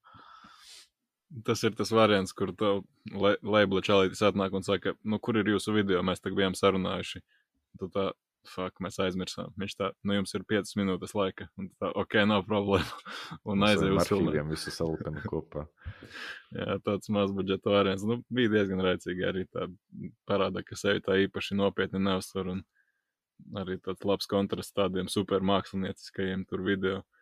Nu, es varētu uh, nedaudz uh, iestarpināt atkal, uh, tad, kad mums uz vienas no pirmajām uh, podkāstu sērijām atnāca uh, ciemos uh, Reinis Graudiņš, kurš zināms arī kā viens no Alternative LV darbiniekiem un, un kā koncerta apmeklētājiem tā tālāk, vai ne? Viņš stāstīja vai rādīja, viņš mums rādīja video klipu, kur arī skanēja metāls kur četri vai pieci laikam grupas dalībnieki skan viņa dziesmu, kas ir, bija, man liekas, kaut kas tur divas minūtes tikai gara, un viņi vienkārši dzer uh, ļoti daudz, un viņi pa ceļām bēmi, un, bet viņi turpina dzert, un tas ir viss klips. Un viss ir ilgtēmā, man liekas. Un tad, un tad Reinis pateica, ah, jā, bet tas patiesībā ir covers citai grupai, kuriem ir tieši tās pats klips. Tā kā es domāju, varbūt tas ir kaut kas tāds, ko jūs atpazīstat no šāda apraksta? Godīgi sakot, nē, bet es ļoti gribētu redzēt. Es, eh, es palūkšu paralēli ar Ainam, varbūt viņš man var eh, uzrakstīt to nosaukumu. Tā tad, jā, mēs pagaidām mācām tālāk. Ilūta raksta Ingested, The Divine Right of King. Šis bija tā īstenībā diezgan negaidīti, jo pirmkārt liriku video eh, vienīgais šajā sarakstā, kas ir diezgan interesanti, bet nu, dziesma ir nereāli stilīga. Man liekas, arī es teiktu, mīļākā šīs grupas dziesma un tas klips. Nu, tur ir tas superīgais albuma vārtiņš apspēlēts, tāpēc laikam var saprast. Mm. Jā, nu Māra min uh, Cradle of Filth, Born in a Burial Ground. Nu, tas ir, jā, protams, Cradle of Filth šausmu stiliņš. Un tas ir viens no viņu veciem klipiem. Uh, nu, tur. nu, jā, tas ir tā. Man pat grūti noraksturot tā uz pirmā acu skatiena. Jā. Bet uh, ir saprotams, kāpēc tādi klipi piesaista cilvēkiem, jo nu, tas ir kaut kas salīdzinoši netipisks. Nu, tur viņi pa lielam arī muzikāli tiecās uz to šausmu filmu pusi. Mm -hmm. Tas ir tāds, jā, bet man personīgi no Karela Filma vairāk tie pēdējie klipi, man liekas, tādi interesantāki. Jā, nu, par spīti tiem saviem iepriekšējiem komentāriem, es paskatījos šo video klipu. Bija labs, tie čalīši atgādināja tos monstrus no Silent Hill tā mazliet. Tā kā, zinām, atmosfēru šis te viss arī, protams, ka rada. Un Jā. tad... Jā, nu, viņa minēja, ka tās ir jaun, no jaunības atmiņas, ka tāpēc tas ir mīļākais klips. Kas... Nu jā, tas gan jau, ka lielākā daļai tā motivācija jā. ir kaut kādas atmiņas un nostāļi, bet Ārcems no Jomī raksta, ka grupa ir Svešbakla, tādu es nezināju, un video klips, jeb dziesma ir Cruise of Terror, un viņa pamatojums, kāpēc viņam tā dziesma ir patīk, kāpēc viņam patīk tā dziesma, ir tajā ir resns pirāts ar baseni, kā var tādu nemīlēt. Arī patīkama krāsa gamma acīm. nu šis te bija tāds, tāds ar humoru, tāds pirātiskais video, arī labs. Raivis min Imperial Trumpant uh, Excelsior. Nu, nu, tas ir Es pat nevarētu uzlikt pirkstu, kas varētu būt tas tur tāds, uh, nu, kas baigi izceļās, bet, nu, pa lielam tas ir sižeta klipiņš. Un, nu, kāda viņam ir iemesls, kāpēc tas viņam mīļākais klips, nu, to tad viņam pašam būtu jāsaka. Bet, uh. Nu, tā ir tāda baigta avangardiskā grupa, un tas klips arī likās mm. tikpat dīvains kā viņa mūzika, ja godīgi. Jā. bet, bet nu, nav, nav problēma. un Oskars diezgan godīgi atbild, Hezē, ja godīgi. nu, jā, nu, īstenībā tā varētu būt, ja variantu ir ļoti daudz, tad, un negribas kaut ko vienu nolikt maliņā, tad. Godīgi atbildi novērtē. tā tad Merlina Mansona The Beautiful People, ko raksta Slaviks, jo, jo man liekas, jā, ka šo te tu varētu būt redzējis, ja godīgi. Mm. Nu, gan jau, ka es viņu biju redzējis, bet man kaut kā nebija atmiņā tas palicis, un, nu, viņš ir tāds arī tāds diezgan krīpī un tādu nērtu sajūtu rada. Nu, uz to Mansons laikam jau spieda toreiz tajos laikos. Nu, Mansons ir no tiem MTV laikiem. Man no viņa mm. dziesmām visvairāk iespiedās atmiņā, nu, video klipu ziņā. Uh, Sweet Dreams, kas ir covers dziesmai vispār. Tas klips tiešām bija krīpī arī. Uh, varbūt Mārtiņš atcerās Merlina Mansona klipus, tie ir tādi zīmīgi. Uh, es atceros, ka kaut kas tāds bija. Ja godīgi, man nekāda aina īsti nav palikusi atmiņā. Man liekas, ka varbūt tas bija klips, kurā bija, uh, nezinu, tumšs zils ar, ar baltu, kaut kas tur kontrastēja. Tas ir apmēram vienīgais, ko es atceros. Uh, bet man Reins atbildēja, uh, kas tā bija par dziesmu. Uh, tas ir, bija Hek Trigloraptor. Es pārsūtīju Silvestram. Uh, jā, bet Merlina Mansona, nu, nē, es, es atceros, ka viņš bija, un es dzirdēju, protams, protams kaut kādus tur uh, hītus, bet, uh, bet video klipu neiespējās beigāt atmiņā. Mm. es tikai zinu, ka viņš, protams, izņēma cik tur rības vai ne, lai, lai varētu visiem stāstīt, ka viņš izņēma rības un izplatīja tās baumiņas. Bet... Man pēdējais es nebiju dzirdējis to. Jā, tam rībām. Mēs tagad ieslēdzam to video, kur.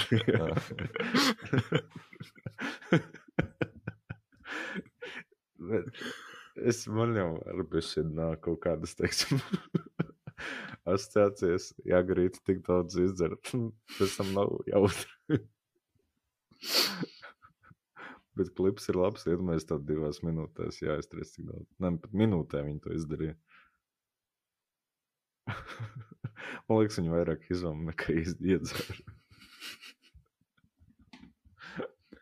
Bet šis ir vispār tas, laikam, mūzikas video klipa apakšžanris, tādi video, kas nofilmēti kā vienā kadrā. Tur arī īstenībā varētu būt tādi labi deep cuts, ja tur baigi labi pameklētu. Būtu interesanti īstenībā. Vajadzētu paskatīties mm. kaut ko. Ne, šis ir oriģināls, šitādi es nebiju redzējis. Šitā ir tāda forša perlīte. Jā. Tā. Tā pie kā mēs tur palikām. Mansons bija. Jā, un tad sanāk, man ir pēdējais, tad rādās. Jā. Ivo raksta, ka Burzum Dunkelheit. Šis, ja nemaldos, iespējams bija pirmais tā projekta video klips iespējams, varbūt, kas sasniedza tādas beigās virsotnes un bija tuvākais iespējams black metāla hītam, kas iespējams. Bet varbūt es kļūdos, bet es neesmu redzējis personīgi. Mm. Nu, cik es pasties tur tā kā montāža ar kaut kādiem tiem uh, tiesāšanas procesiem, kur ir tas vārks. Bet varbūt tas nav oficiāls, man grūti spriest. Ah, bet mēs, mēs vien izlaidām uh, Big Destroyer, Lovesome, un, uh, nu, Rihards minēja, nu, un, ka droši vien tāpēc, ka kinematogrāfiski, vizuāli ļoti baudāms un priecē aci. Nu, Pigdestra ir tāds. Jā. Jā, nu, interesanti. Man neskapēc tas komentārs nerādījās, un es arī nepaskatījos, bet es obligāti paskatīšos, starp citu, par to Pigdestroyer arī runājot. Ja interesē, tad vēl viens projekts, ko nepieminējām pie albumiem, grupa Outer Heaven izlaida tādu albumu arī viss ar coveriem piepildīts. Tur ir gan death covers, gan arī reku pieminētais Pig Destroyer. Nu, viņi ir tāda tā modernā, saucamā old school desmetāla grupa, kas, nu, 20 bucks pin, ka tas kārtais variants. Tā kā, ja esi pazīstams ar to labelu, zini, kā viņi skan, bet, ja gribas paklausīties, klasiskākas dziesmas modernā izpildījumā, tad Outer Heaven var ievērtēt. Tas par to Peak Destroyer atgādināja, bet tad, nu, ja mums būtu jānosauc mūsu tāds viens katram mīļākais mūzikas videoklips, tad ko mēs sauktu? Nu, sauks, sāksim ar Mārtiņu. mm. uh, no smagā gala. Nē, nu, vispār. tam nav īsti nozīmes, jā, vispār. Uh, nu, es centos izdomāt, uh, bet man liekas, ka ir reāli viens, pie kā es, nu, ko, ko es esmu vairāk esmu rādījis citiem cilvēkiem un centies tā kā piedabūt, lai viņi, uh, lai viņi saprot, kāpēc man tas patīk. Tas ir uh, uh, grupas uh, vai izpildītāji, moderat, moderat uh, grupa, laikam tā sanāk uh, dziesma Last Time. Un tas klips ir uh, diezgan vienkāršs. Tur palielam ir smuki kadri, bet man reāli patīk tie kadri. Ir uh, ļoti tādi gaumīgi un uh, uh, filmēts tādās smukās gaismās, un tur basically uh, beigas brauc ar motociklu, un that's it. Uh, bet rītīgi smuki, tas, uh, tas man jau patīk. Uh, un tas ir viens, ko es tiešām esmu daudz cilvēkam rādījis, uh, piestāv mūzikai. Uh, jā. Nu, tas jau pats galvenais, kad uh, sastrādājas ar to mūziku. Un, un, kad tu vizuāli skaties, tu vairāk jūti to, ko viņi mēģina panākt to mūziku. Jā, manuprāt, tas, tas tur ir ļoti labi nostrādājis. Mm. Ok, pēc, pēc ieraksta paskatīsimies. Meitene uz motocikla nevar būt slikti, gan jau, ka patiks visiem. Tad Renāra variants īstenībā es biju sākumā drusku neizpratnē, kāpēc tu man šodien atsūtīji to dziesmu, bet tad, tad sapratu, kāpēc. Jā.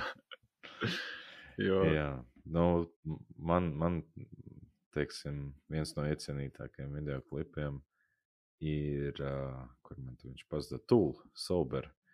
Um, nu, jā, es jau iepriekš minēju, ka lielā mērā klipi dziesmām sakrīt vai nu uh, tur grupas spēlē, nu, Mārtiņš minēja, nu, ka grupas spēlē, vai arī tur vēl kaut kāds sižetiņš notiek, un tie, ko es tā kā izvēlējos kā variantus, pa lielam tur tas viss bija, un viņi tādā ziņā viņi neatšķīrās, bet Tool, Sober, man likās nu, ļoti saudabīgs. Tur ir tā saucamais claymation, kur no māla taisītas uh, figūras, viņas uztaisa uh, animētas, un, un, un Un tur šausmu tēmā vienkārši tur tāds uh, krīpī, teiksim, dzērājiņš tur. Uh, laikam darbojās ar savām lomkām un halucinācijām. Nu, tā grūti noraksturot, bet tāds nu, spēcīgs tas klipiņš, nu, vizuāli tāds ļoti interesants un saudabīgs. Un, nu, tas bija viens no pirmajiem, kas man ienāca prātā. Nu, Tīri tāpēc, ka neko tādu es īsti nebiju vēl redzējis. Uh, vēl tuvu līdzīgs tam varētu būt uh, Static X, uh, viens klipiņš. Uh, Tā uz sitienu neatceros nosaukumu, bet tur arī bija tā, ka ar klejmēšanu, bet tur nebija šausmu tēmā. Tur viņi vienkārši tur kā uz industriālo to stilu uh, tur taisīja to animāciju. Un, un, un uh, pušit bija tā dziesma, kur bija kaut kas tāds, jā. Bet, bet uh, jā, šis noteikti tāds, kas ir arī mākslinieciski. Tas tools sober ir tāds, kas ir mākslinieciski arī nu, pienes vairāk vērtību nekā vienkārši, kad nu, klips pielāgots kaut kādai dziesmai, tā, nu, spēlējot vai tam līdzīgi. Jā, tas tulklips bija rīktīgi stilīgs. Tur tāds bezmazliet rīktīgais mākslas darbs. Tur tas, tas klejmēšanas kaut kādā ziņā, nezinu kāpēc, bet baigi atgādināt, ir tāda animācijas filma, kur nosaukumā ir vienkārši cipars deviņi. Esat redzējuši tādu? Nē. Mm, nē. Es zinu, Nine, vēl ir tāds, es zinu, vēl ir tāds uh, The Shivering Truth, uh, kur arī, man liekas, klejmēšanas tiek izmantots. Un viņš arī tāds uz šausmu tām, un tāds sērija veida animācija. Nē, nu tā animācijas filmā viņa nav klejmēšanas, bet ir tā noskaņa, mēs kāpēc ļoti atgādināja, jo tā multine, nu, animācijas filmā viņa ir ļoti tāda drūma, postapokaliptiska, baigi forša īstenībā, baigi. Ah, es esmu redzējis patiesībā, jā, es biju aizmirsis. Baigi labā tā kā šis video tiešām radīja kaut kādu tādu, tādu tipu asociāciju, un tāds baigais darbs tur ielikts ir. Tā kā to tiešām var novērtēt. Tas, tas pats Bērtāns, laikam, kuram tāpat nav pirmā filma līdzīgā, līdzīgā tādā noskaņā. Ah, nu jā, es tik, tik, tik dziļi es nezinu, bet, bet Bet, uh, nu, tas, uh, tas pats, kas bija šis viens no producentiem, uh, Nightmare Before Christmas. Un, ah, ok, jā, jā. Uh, mm -hmm. tas, tas, tas pats Žeks, šis vienkārši tāds vairāk tāds steampunk. Jā, jā, jā. Mm. Rīktīgi stilīgi. Uh, tā, tas sanāk, es esmu laikam tikai palicis. Jā. Un jā, nu, man nebija problēma, kā jau teicu, tie mūzikas video, nu, it kā bijuši, nebijuši, bet Un šo teikt, kā varbūt pat būtu diezgan grūti nosaukt par tādu baigo mūzikas videoklipu, jo tā ir tādi pāris kadri, kur tā grupa bez, bez krēkliem iekapā to savu mūziku, bet lielākoties tā ir tāda, tāda kompilācija tā kā ar tādiem baigajiem UFC, MMA highlightiem no, no, no, no kā latviski saucas simtgades pirmā desmitgade. Nu, tā kā ir 80. Nu jā, tā kā ir 80. 70. kā sauc pirmo dekādu. Nultie. Nu, tie. Es nezinu, es viņu saucu par 2000. vienkārši sauc. 2000.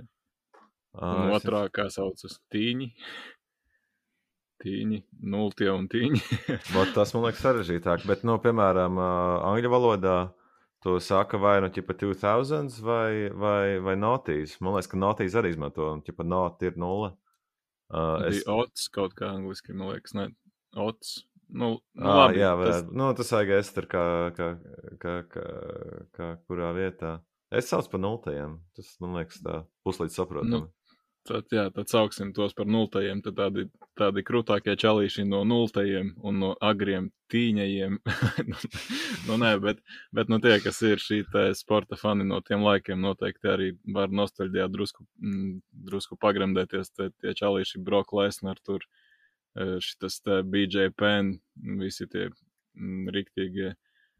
Protams, tagad viss izkrīt no galvas, kad jāsāk saukt. Bet, nu, ja tu zini, tad tu zini, tad tu viņus atpazīsi. Bet, nu, tas nāca arī kaut kādā 16, 17 gadu vecumā. Tāds, tāds motivējošs diezgan viņš ir. Jo kaut kādā ziņā tur ir tas stāsts savā ziņā, ka video sākumā tur rāda, kā tur visi baigi tur trenējies. Tad, tad kā gatavojas tai cīņai, tad kā iet tajā ringā un beigās, kā tur visi priecājas pēc tām uzvarām. Nu, tāds, tā diezgan labi iet kopā ar to dziesmu, ar to dziesmas nosaukumu. Tā kā, jā, nu, nav baigi tāds stereotipisks video, bet, kā jau teicu, arī grupu spēlē. Jā, jā, nu kaut kur parādās ik pa brīdim viņi tur tā, tā brutālie čalīši. Tā, bet, bet nezinu, man patīk, un šis te pirmais, kas ienāca prātā, tāpēc arī bez īpašas domāšanas, tad likās, es laikam pat nepateicu nosaukumu, te runājot, grupai ir Godsmack un dziesmas nosaukums Crying Like a Bitch. Tā kā tā. Es te fonā skatos, uh, klusi nogriezt diezgan, nu, tu izskatās pēc, jā, li, uh, li, lietas, kas kaut kādā vecumā man arī varētu likties, uh, hell yeah, Čipa, I, I can fuck with this, uh, bet, uh, nu, šobrīd, uh, šobrīd izskatās uh, drusku Baigi agresīvi. Es, kā, es tāds, tāds mierīgs džeks. Nē, nu, jā, varbūt no vienas puses liekas tāds baigais mīthedu variants, bet no otras puses, nu, es saku, es arī saglabāju to, to pašu motivāciju šiem te video, kā mums te pārējiem klausītājiem bija, ka tas tā vairāk uz tāda, uz tādu nostalģijas efekta, ka tas kaut kādā veidā tev palīdz atgriezties pie tām kaut kādām sajūtām, kad tu viņu pirmo reizi redzēji. Jā, jā, protams. Tāpēc. Uh, jā, nē, nē, es, es protams, es, es nevienā brīdī pilnīgi noteikti negribētu tur uh, apsmiet kāda cita nostalģija, ņemot vērā to, ka man ir, man ir uh, visādas dīvainas lietas, kas kādreiz, uh, uz ko es kādreiz parāvos. Un šis noteikti nav kaut kas tāds, uh, nekas slikts. Es vienkārši skatos un uh, Uh, es, ne, nu, uh, es atgriežoties pie tā, ka ķipa, kādas tur kādam bija fāzes, nu, ķipa, vai man bija metāla fāze. Uh, es nezinu, kurā brīdī īsti tas notika, bet, uh, bet uh, līdz, uh, man, man tas nevienā brīdī nesaistījās ar kaut kādu cīņas sportu vai tam līdzīgi. Man bija vairāk tas, ka, oh, hell, yeah, var braukāties ar mašīnām un klausīties uh, šo te uh, Bullet for my Valentine. Oh, Man arī mašīnas patika. Patīk, joprojām. mm. Tīpaši Need for Speed arī man bija tāds. Daudz kas no turienes izvilkts, ir mm, grupas, kas patīk. Un, teiksim, ja tagad paklausās Need for Speed, tad tāds, eh, kāpēc nav, nav vairs tā, tā enerģija. Tur tāds mm. mierīga mūzika kaut kādā mērā. Bet, nu, labi, tas ir subjektīvi. Un, Jā, par Need for Speed mēs esam īstenībā diezgan daudz runājuši šajā podkāstā. es varu vēl neindropot dažas spēles, un jūs varat pateikt, vai jūs par to esat pamanījuši vai nē. No. Uh, so, no braukšanas spēlēm uh, viena, ko es nesen pārspēlēju, vēlreiz Burnout Paradise. Mm. Es viņu šobrīd spēlēju Switch.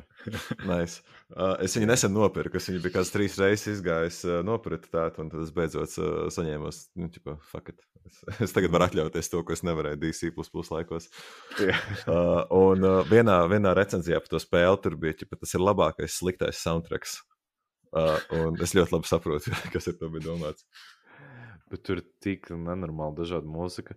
Tur ir arī nu, tāda, tāda smagā mūzika sākumā, pēc tam tur soundtracks pamainās uz nu, principā, visa veida žanru, un kaut kādā brīdī tur vienkārši klasiskā mūzika skan vesela čupa.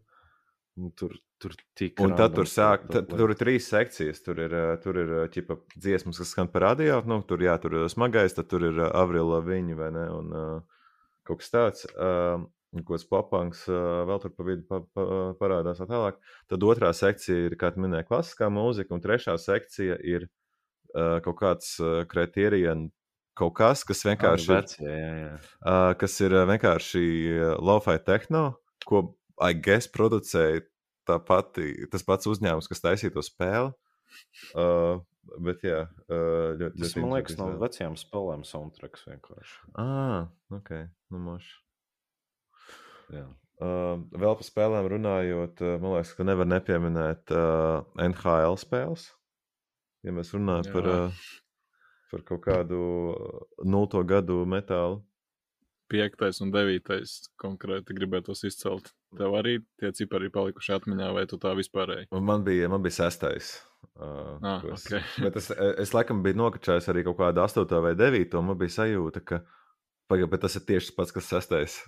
Un es nesaprotu vispār, kas ir mainījies. Tur bija, tur bija tie paši voiceoveri, no, uh, tur bija tie paši special move, un tur varbūt bija citi spēlētāji, bet es, es joprojām nezinu, nevienu hokeja spēlētāju apmēram pēc vārda, ja neskaitos, nezinu, 5 vai 6 latviešu, mēram, kas ir jāzina savādāk, tev ir, mēram, uh, izsūta uz citu valstu. Jā. Uh, bet jā, tur, man liekas, bija tīri, uh, uh, nu, plaši pārstāvēts tas smagais žanrs. Mm. Tu vēl kaut ko neimdrupos? Uh, jā, pēdējais, ko es gribēju neimdrupot, es gribēju pajautāt, ko jūs domājat par uh, Tony Hawk Pro Skater soundtrackiem. Super. No. Jo tur bija, tur noteikti bija System of a Down, bet tad es jā. sāku domāt, vai tur vēl kaut kas bija no tāda, kaut kā tāda, ko varētu saukt par metālu, jo patiesībā es sāku domāt, ka tur laikam vairāk kaut kāds tur punkroks un uh, altroks un popunks. Ne? Nu, jā, nu man tā uz sitienu pat arī nenāk tā konkrēti vārdi prātā. No Newmetal tur noteikti bija šis tas. Un, bet, jā, nu man vairāk no soundtrackiem palikuši atmiņā ar vecie Inforspīdi, kas ir Underground 2 un Most Wanted. Mm. Tad SmackDown vs. Raw wrestlinga spēles. Tur vienmēr bija metāla soundtracki. Un uh, kas vēl? Ah, GTA San Andreas. Tas ir arī. Tur, tur, labi, tur nebija tik ļoti metāls, bet tāpat tās tur soundtracks bija ļoti labs. Tur uh, bija kaut kāda Alice in Chains un vēl kas tur nebija. Jā, nu GTA man liekas, ka nenormāli krūti tas, ka, viņi, ka viņiem faktiski bija playlistas pa žanriem sadalītas. Uh, un, uh, Tur, ja tev galīgi tiešām nekas nepatika no tām piedāvātām radiostacijām, tad man liekas, ka visās, sākot no kaut kāda Vice City, uh, bija radiostacija, kurā nu, tu varēji pats uz savu datoru ielikt folderī dziesmas, ko es šeit no DC, kas ir tieši tas, ko es darīju. Un tad tā bija viena radiostacija, kurā vienkārši to skanēja uz shuffle tās tavas dziesmas. Mm. Starp citu, par šo runājot, mēs jau aizējām off topic, bet uh, viņi taču pārizdod tās trīs spēles, kā tie trīs vai City un San Andrēs. Mm. uh, tipā, nu, vizuāli atsvaidzinātas un kontrols arī, jo viņas, tas vecās versijas, viņas beigas sodīgi strādā uz datoriem, piemēram. Tā kā, jā, to es baigi gaidu un gribas redzēt, kas tur tam dziesmām notiks. Jā, viņi laikam nevarēja dabūt visu, ko viņi gribēja. Nu, mēs jau to nezinām, viņi nav vēl teikuši, bet tad jau redzēs, drīz jau iznāk. Jā, jā, nu jāsagaida. Es kaut kur, kaut kur lasīju, ka viņi kaut ko nevarēja dabūt un ka, ka būs uh, kaut kādas tur uh, citas.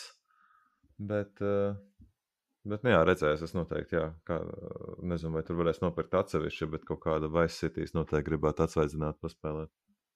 Digitāli varēs atsevišķi, bet uh, nu, fiziskajā formātā kopā tikai. Ah, okay. a, ka, a kas ir fiziskais? Tipa disks?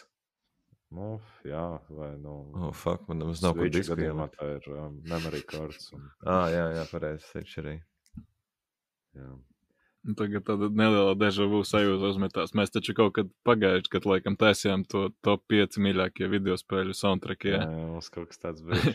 un tu neminēji toreiz arī, ka tie San Andreas ar diskus, ka tu taisies pirkt, vai tu to vienkārši tāpat oh. biji paticis? Jā, starp citu, viņam fiziskajā formātā ir pieejama, nu, ir pieejams soundtracks, ir, nu, ir divas versijas. Viena kur ir divos uh, diskos, nu, vienkārši dziesmas atlasītas no visām radiostacijām. Un tad vēl viena versija, kur katrai radiostacijai ir savs disks. Un tur tad, nu, tā kā, principā, tu nopērci lielu grāmatu, kur tu izvēlēji tādu uh, disku savos vāciņos priekš katras radiostacijas. Es nopirku, nopirki? Es nopirku to par, uh, parasto versiju, kur ir divi, trīs diski. Mm. Un, uh, jā, man liekas, pat vienā uh, nu, kolekcijas uh, update minēja to. Bet, uh, jā, to es īstenībā pārsteidzoši daudz klausos. Ja tu neklausies to disku mašīnā, tad tu dzīvo nepareizi. Ne? Tā ir tā kārtējā nostalģija. Un patiesībā tas ir baigi, baigi spēcīga lieta. Tas tik daudz ko ietekmē. Mm. Jā, nu, aizgāja mums noslēgumā tā drusku nobīde no tēmas, bet, bet tas nekas ir reizēm interesanti arī parunāt par citām lietām, un es joprojām esmu atvērts filmu podkāstu idejai, bet uh, ir problemātiski atrast tā saucamo kohostu, tāpēc joprojām, ja kādam vai kādai ir vēlme par tādām lietām, tad rakstiet un noteikti kaut ko sarunāsim un izdomāsim, bet jā, nu, laikam mēģināsim vilkt tos galus kopā, jo jau pusotra stunda pāri, tā kā Mārtiņa noslēguma vārdi varbūt kādi. Uh, nu, uh, es, uh, es ceru, ka es nevienu neaizvainoju vēlreiz ar savu klātbūtni. Es tiešām jūtos kā ciemiņš uh, šajā žanrā, uh, tāpat kā podkāstā. Jo, nu jā, nu tā nav, nav jau daudzus gadus īstenībā primārā, primārā lieta. Bet uh, nu, nav, nav tik traki, kā, kā man likās. Man ir prieks, ka man atsūtīja kaut kādu izvēli, ko paklausīties, un es pat kaut ko atradu. Kādu, kas man arī uh, aizķērās, uh, un palielam, lai jau, lai jau katrs, uh, kat, katrs klausās, ko grib un kas patīk. Man prieks, ka var atrast tādas lietas. Un, uh, un uh, nu, jā, nu, ceru, ka, ceru, ka visiem arī metāla mūziķiem Latvijā sanāks atrast uh, savu publiku. Uh, to, es, to es novēlu kā, kā mūziķis. Un, uh, un es ceru, ka jums, Džek, arī viss, uh, viss ies uz priekšu podkāstu. Uh, tā kā paldies, ka uzaicinājāt. Un tad, uh, ja jūs gribat dzirdēt, ar ko es nodarbojos uh, mūzikā, tad uh, grupa Nova Koma. Uh, pēdējā laikā esmu piespēlējis klāt arī Pink Floyds. Un, uh, jā, mums ir kādas 50 sērijas ar podkāstu uh, viss ir slikti ar Mārtiņu un Jāni. Tas ir tas, kā mani var atrast. Tā kā jā, paldies! Jā, tos linkus mēs arī atstāsim video aprakstā, lai cilvēkiem vieglāk un ātrāk uzspiest gan uz grupu, gan arī uz jūsu podkāstu. Tad liels paldies, ka atradi laiku, lai atnāktu ar mums te parunāt. Un cerams arī jūs redzēt diezgan ātri atpakaļ. Cerams līdz gada beigām. Tā kā arī, lai jums viss izdodas, paldies un paldies visiem, kas klausījās. Tad līdz nākamajai reizei. Čau, čau.